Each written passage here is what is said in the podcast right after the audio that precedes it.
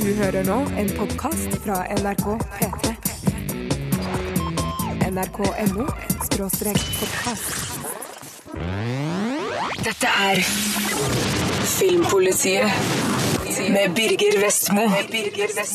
Den norske filmen Tale tar tak i en flik av norsk folklore, nemlig Huldra. Drew Barrymore forsøker å redde hvala i familiefilmen Big Miracle. Chris Pine og Tom Hardy kjemper om Reece Witherspoon i This Means War, mens Charlize Theron spiller den bitchy skjønnheten som vender tilbake i Young Adult. De her fire filmene anmeldes i Filmpolitiet i dag.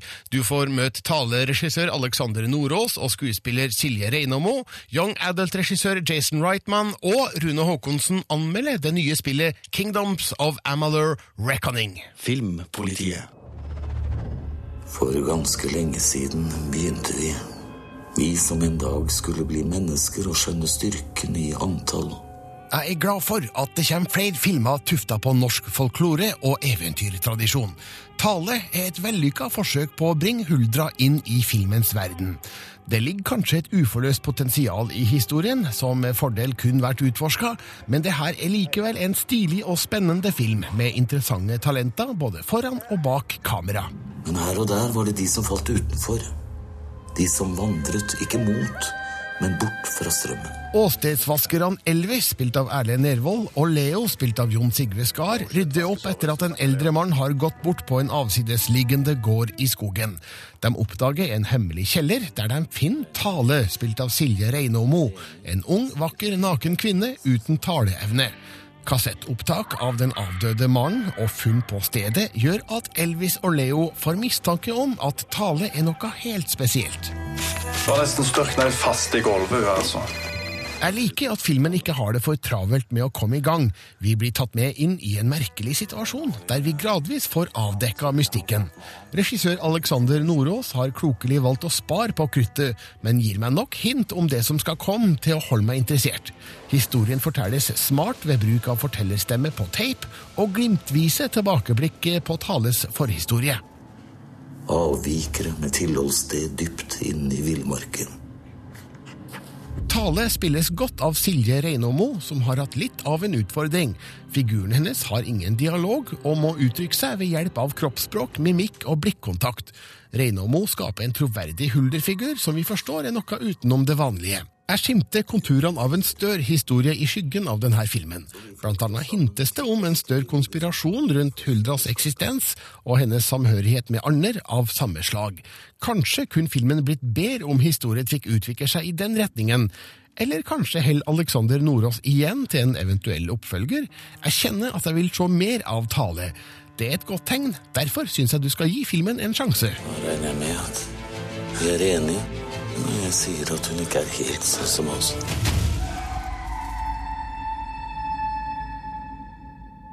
Dette er Filmpolitiet på P3. Vi sendte reporter Sigurd Vik for å høre med regissør Alexander Nordås og skuespiller Silje Reinåmo hvordan de hadde jobba fram sin versjon av den sagnomsuste Huldra, den splitter nakne Tale. Hun er, hun er som Huldra er i eh, sagnene. Hun er, hun er snill med de som er snill med henne, og kanskje ikke så veldig snill med de som ikke er så snill med henne. Um, hun er, hun er skjør, og hun er, hun er sårbar.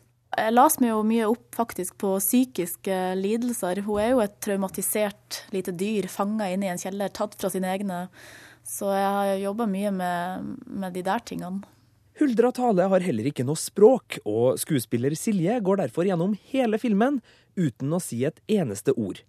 Det var ikke bare enkelt for en vanligvis så pratsom nordlending. Nei, Det aller verste er vel at jeg er jo glad i å prate til vanlig, da, så det å faktisk holde kjeft I tre år. Jeg har jo holdt kjeft da privat òg, så bare for å liksom komme inn i rollen. Og igjen den her method acting-greia. ja. Kjempefint. Ikke sagt et ord på tre år. I tillegg til kun nynning og ingen replikker, måtte Silje tilbringe all sin tid foran kameraet ganske så splitter naken. Eh, Det var litt tøft når det sto på. Det var noen dager der det faktisk eh, var altså Man blir jo veldig sliten, man føles jo innmari sårbar på sett. Men eh, jeg og Aleksander vi har hatt en veldig åpen og tett dialog. Vi har vært enige hele veien om der det er nødvendig med nakenhet.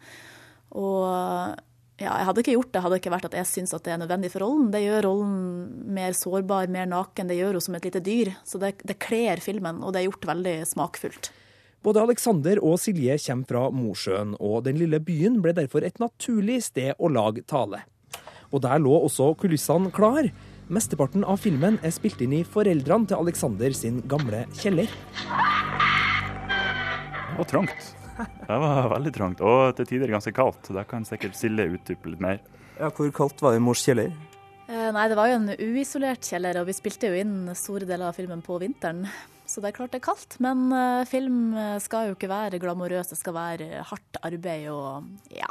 Det er sånn vi liker det. Sånn vi nordlendingene liker det. På et tidspunkt så lå, så lå vi jo strak ut hele gjengen med Tamiflu i den ene hånda og kaffen i den andre. Ja, men Det er jo kjekt. Den har jo noe litt kroppsvæsker og sånn i seg, filmen òg, så det må være ypperlig å liksom være i den sinnstilstanden det er å ha influensa da, ikke Ja, det er sånn, men uh, ulempen med å filme på et lite sted var jo at de faktisk var utsolgt for Tamiflu på apoteket. Så uh, Men, men. Det stoppa ikke oss fra å lage film, så um, det gjorde heller ikke budsjettet, som har vært ganske stramt hele veien. Og da passa det nok aldeles helt greit for produsentene at Alexander ikke kjente trangen til å bli voldsom i effektbruken underveis. Det er første gangen jeg jobber med, med spesialeffekter. Det er det. Eh, og jeg liker tanken med å bruke det der det er absolutt nødvendig. For da føler jeg de effektene får den slagkraften de fortjener. Og eh, jeg føler vi på en måte i tale har at, at er godt der. Jeg tror mye av, av energien og sjarmen har kommet nettopp av at vi har hatt lite midler fra starten av. Så har, man har putta inn alt man har av sjel og energi og vilje i det prosjektet, og det tror jeg, tror jeg synes. Jeg hører jo noen rykter om noen sånn Hollywood-agenter, og sånn at du liksom deler agent med Sandra Bullock og Keanu Reeves, eh, stemmer det? Det gjør visst det. Det er, det er en litt surrealistisk greie, det der. For ja, for det er ikke du som har satt ut de ryktene? Nei. Nei, Nei da. Det, det, det, er sant? Det er sant. Det er um, I januar 2011 så la vi ut en teaser på twitchfilm.com og fikk veldig mye respons på den. Deriblant uh, en del agenter og agencies og management som skulle ha kontakt. Og ett av de hadde mye prat med og dialog med, og avtalte å sende de en tidlig arbeidskopi av tale.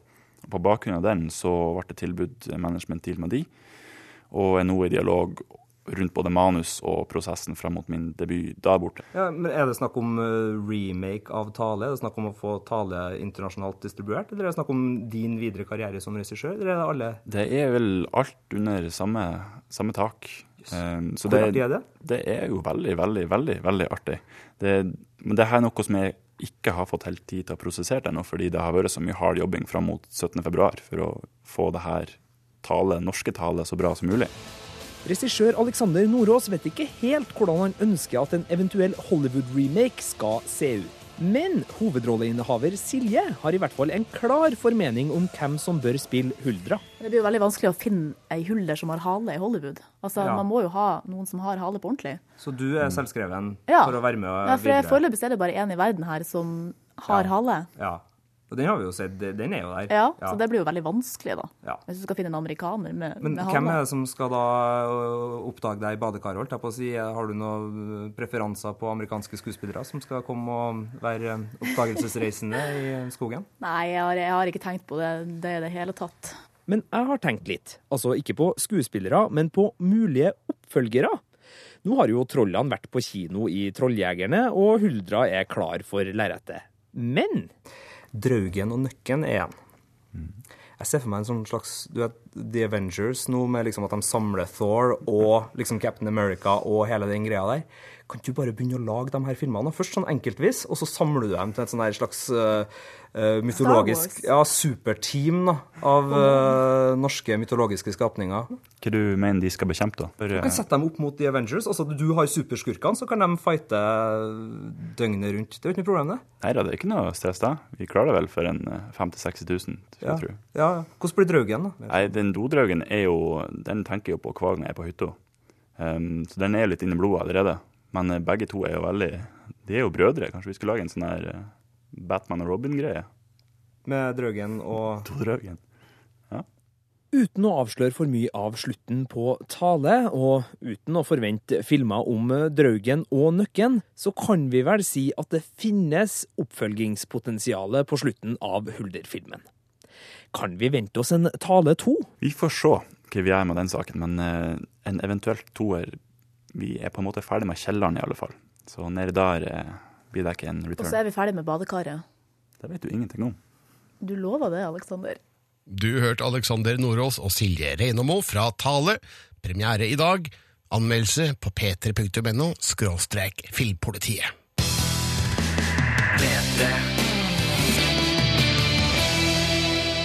Nå er det klart for nok en anmeldelse av en av dagens premierefilmer på kino, Big Miracle. Three gray whales are now trapped in walls of ice six inches thick. Big Miracle er basert på en sann historie fra 1988 om mennesker som forsøker å frigjøre en innefrosset hvalfamilie ut i åpent hav. Filmen er hva den er, et søtt drama som begynte som en liten dyrehistorie på slutten av en nyhetssending, men vokste seg stor. Dette er ikke filmen for de store overraskelser, ei heller for de dype karakterskildringene. Men det er en ganske underholdende film som går for høy sjarmfaktor med John Krasinski og Drew Barrymore i hovedrollene. Adam Carlson, spilt av John Krasinski, er TV-reporter i Alaska. Han finner tre hvaler som er omringa av is og kommer seg ikke ut i åpent hav. De har kun et lite høl i isen som de av og til dukker opp av for å ta pusten. Adams reportasje vekker nasjonal interesse helt opp til Det hvite hus, og den lille byen invaderes av pressefolk og gode hjelpere. Blant dem er Rachel Kramer, spilt av Drew Barrymore, Greenpeace-aktivist og Adams ekskjæreste. Sammen forsøker de å redde hvalene før isen fryser til.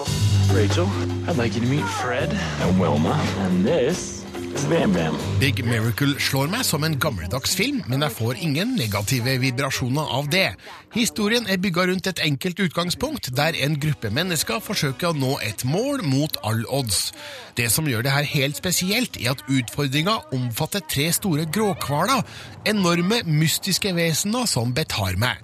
Her er det garantert digital animasjon ute og går, men jeg kjøper illusjonen fullt og helt. They're so much like us. We're vulnerable. We get scared. John Krasinski og Drew Barrymore er som vanlig hyggelige, sjarmerende og publikumsvennlige ansikt. Det er òg morsomt å se Ted Danson som oljemagnat med vekslende sympati, og Dermot Mulroney som oberst. Men stjernene i denne filmen er hverdagen. Når Drew Barrymore dykker under isen for å observere dem, blir jeg vitne til majestetiske kreasjoner som jeg forstår engasjementet rundt. Filmen om redningsforsøket er kanskje ikke hylende original, men er samtidig tilfredsstillende underholdning. we need help sometimes too.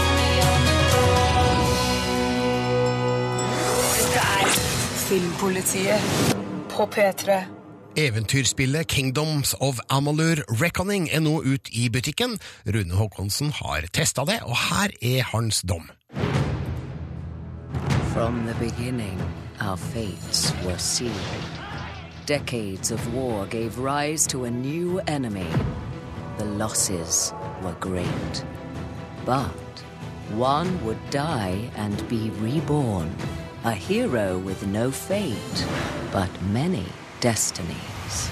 Med Kingdoms of Amalur Reckoning forsøker EA å starte en ny fantasy-saga. I virkeligheten skiller ikke dette spillet seg nok ut til å bli en ny, stor spillserie. I will fight. And if I die, I die knowing that I have made the choice. Fortellingen starter med at du er død, et mye mindre handikap enn du skulle tro. Hva som skjedde før du døde, er ikke så viktig. Ikke enda. Noen gnomer har nemlig fått tak i liket ditt, og du blir kastet i en eksperimentell massegrav. Sjefen på stedet forsøker å høste mystiske krefter for å vekke de døde til live. Du kommer tilbake til live, begravd av råtnende lik, og du er den første som har våknet til liv i sjelens brønn. It is too late for us. But not for you. At du er en spesiell person, er med andre ord helt åpenbart. Og det tar ikke lang tid før du kastes ut i et ja, introduksjonsbrett hvor du får presentert alle egenskapene du må mestre for å overleve livet i fantasiverdenen. Det brukes lite tid på å forklare.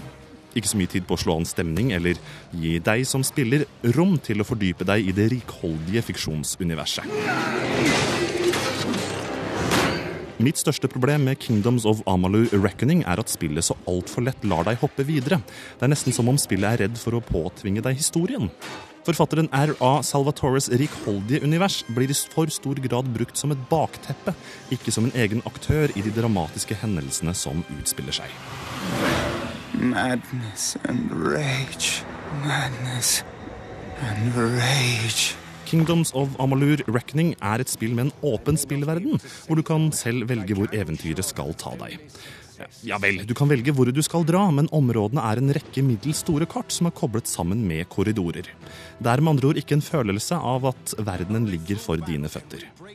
Noen av monstrene du møter på din vei, er derimot imponerende.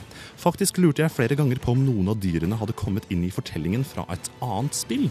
Og en av grunnene til dette er at mye av spillverdenen rundt deg ikke holder samme kvalitet. Byer og datastyrte figurer er ikke unike. Gnomene eksempel, var jeg en stund sikker på at 38 Studios hadde hentet fra World of Warcraft. You alone may change what is to come. Go! Kingdoms of Amalur Reckoning er et tredjepersons action-rollespill, noe som betyr at kampene er mange og de er intense. Det er likevel lett å plukke opp, fordi du kun trenger å trykke på et par knapper for å mestre hele systemet. Det tar kun et minutt å lære seg, men engasjerer. Høyt tempo og lav terskel for mestringsfølelse gjør at det, svake fokuset på historien ikke tar over opplevelsen. Kingdoms of Amalur Reckoning sliter med å finne sin egen identitet. Det skiller seg ikke nok ut. Det rikholdige bakteppet til historien er det opp til deg å utforske, og velger du det, får du en spennende fantasy-opplevelse. Now is your time.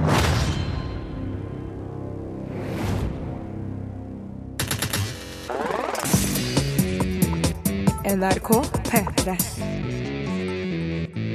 Her i Filmpolitiet skal nok en premiere anmeldes. Welcome to Hampton Inn. Do you have a reservation? No. Charlize Theron viser seg fra sin beste og verste side i Young Adult. Best som i skuespiller med et allsidig talent, og verst som i figur med tvilsom moral og usympatisk framferd. Verst er altså òg positivt ment. Teamet bak Juno, regissør Jason Reitman og manusforfatter Diablo Cody, forteller en morsom, trist og skarp historie om balldronningas mindre glamorøse gjenkomst til hjembyen. Ikke alt oser av like høy troverdighet, men Teron er en glede å se gjennom hele spilletida. Is that a dog in your bag? No. All tror Mavis Gary, spilt av Teron, er en suksess i storbyen Minneapolis, men hun har det ikke bra. Privatlivet er mislykka, karrieren går dårlig, og hun er alkoholisert. Plutselig får hun invitasjon til dåpsfesten for det første barnet til ekskjæresten Buddy, spilt av Patrick Wilson.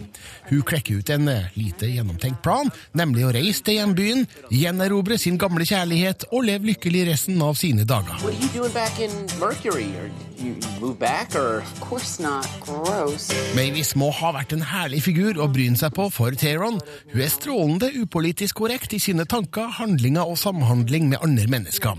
Hun lyver, konspirerer, baksnakker og sparke nedover. Teron spiller hun med fryktløst mot, men gir hun samtidig en sårbarhet som stadig stikker frem. Filmens mest bittersøte scene skjer når Mavis møter Matt, spilt av Patten Oswalt, den gamle skolekameraten hun knapt ensa den gang da, men som nå blir en slags alliert i kampen for å gjenvinne Buddys gunst. Eller rettere sagt, han blir en fornuftens røst som forsøker å få Mavis til å innse at slaget for lengst er tapt. Samspillet mellom Teron og Oswald veksler mellom å være både søtt, salt og surt. Queen. Det kommer et slags klimaks i Young Adult som virker en smule anstrengt. Det blir en stor konfrontasjon som jeg ikke syns fungerer helt. Frem til da har nemlig historien hatt et preg av realisme, men plutselig drar regissør Reitman og manusforfatter Cody frem et godt gammeldags filmknep som skal gjøre alle flaue på de involvertes vegne. Heldigvis gjøres det godt igjen med en avslutning som desidert ikke er av det venta slaget, og som gjør at jeg misliker Mavis Gary enda mer enn da filmen starta. Mavis, I'm a married man. We can beat this thing together.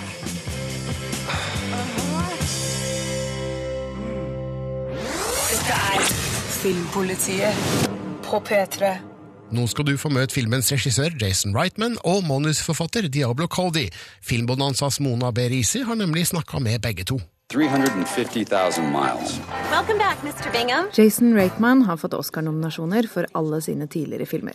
Up in the Air, Thank You for Smoking og Juno. I'm pregnant. Med Young Adult hadde han en ny agenda. When I first wanted to make a movie, I just wanted to make people laugh. And by, you know, Up in the Air, I really wanted to make them feel a sense of loneliness. And on this film, I wanted to make them uncomfortable in their own skin. And, you know, we had a screening of this film very early on, and there was a girl in a focus group who said, I don't know why Jason Reitman wants me to feel this way. And that's when I knew I had succeeded. I Young Adult spiller Charlize Theron en semivellykket ungdomsromanforfatter som når hun får en gladmail fra gamlekjæresten om at han har fått barn, bestemmer seg for å vinne han tilbake. And that new baby of his is just darling. Have you seen it? Det er Diablo Cody som vant Oscar for manuset til filmen Juno, som har skrevet den litt vonde Young Adult. The very first scene that I envisioned was a, a woman uh, at a at a christening for her ex-boyfriend's child. And I imagined this woman losing her mind and screaming at everybody. And I thought, oh my God, what a horrible scene. I have to write that. I'm going to a rock concert with an old flame. And I think there is a chance we may reconnect. Let's show him what he's been missing. Både Raitman og Diablo var litt usikre på om Hollywood ville lage filmen.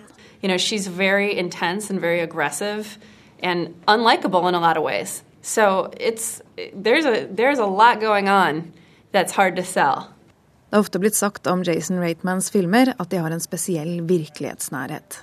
I feel like every movie is autobiographical in an emotional sense.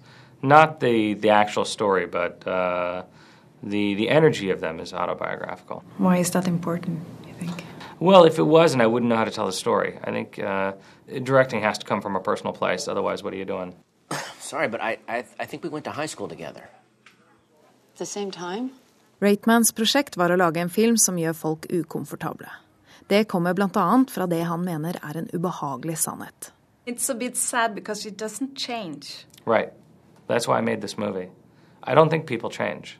In real life, I think people most often don't change. In real life, I think people learn things, but they don't change. In movies, people change all the time. In movies, they make giant, sweeping 180 degree turns that make no sense, uh, that don't reflect how people really are. So when Diablo wrote a script about a woman who is deeply flawed, for good reason, wants the normal stuff but takes it out in the wrong ways, and has the opportunity to change and then doesn't, that reminded me of myself. It reminded me of other people I know. And I thought, okay, that's a story worth telling. Det sa Jason Reitman, som altså har regien på premierefilmen Young Adult. Du hørte òg manusforfatter Diablo Cody i det her innslaget, som var laga av Mona B. Riise fra Filmbonanza. Filmpolitiet. Slakteøksa måtte kvesses før anmeldelsen av denne premierefilmen. My best friend. I trust you. I know that you would take a bullet for me. I would for you as well. Det tok tre minutter før jeg skjønte at This Means War stinker. Den starter nemlig med en actionsekvens som er så klossete filma at det er åpenbart at denne regissøren ikke helt vet hva han gjør. Synderen er MacG, mannen bak to Charlies Angels-filmer. Men mens de filmene ble redda av sjarmen til trekløveret Diaz Barrymore Lou, makter ikke Reece Witherspoon, Chris Pine og Tom Hardy å redde denne filmen fra nær makkverkstatus.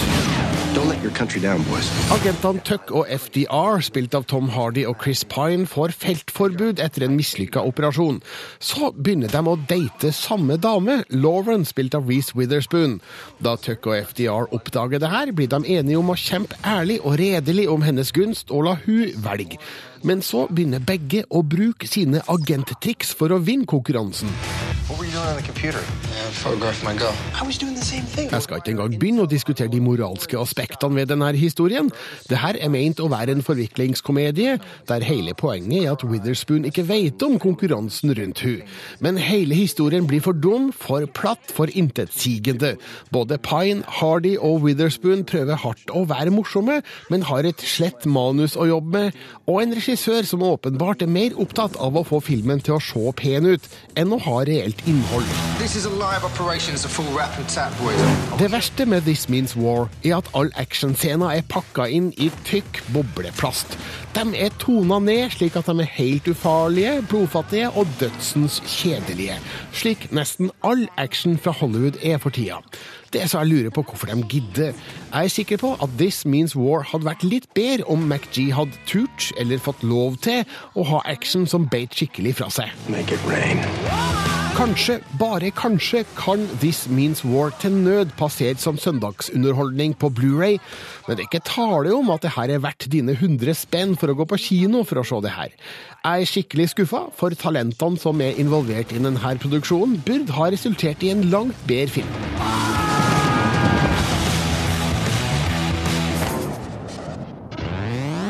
Dette er Filmpolitiet med Birger Vestmo.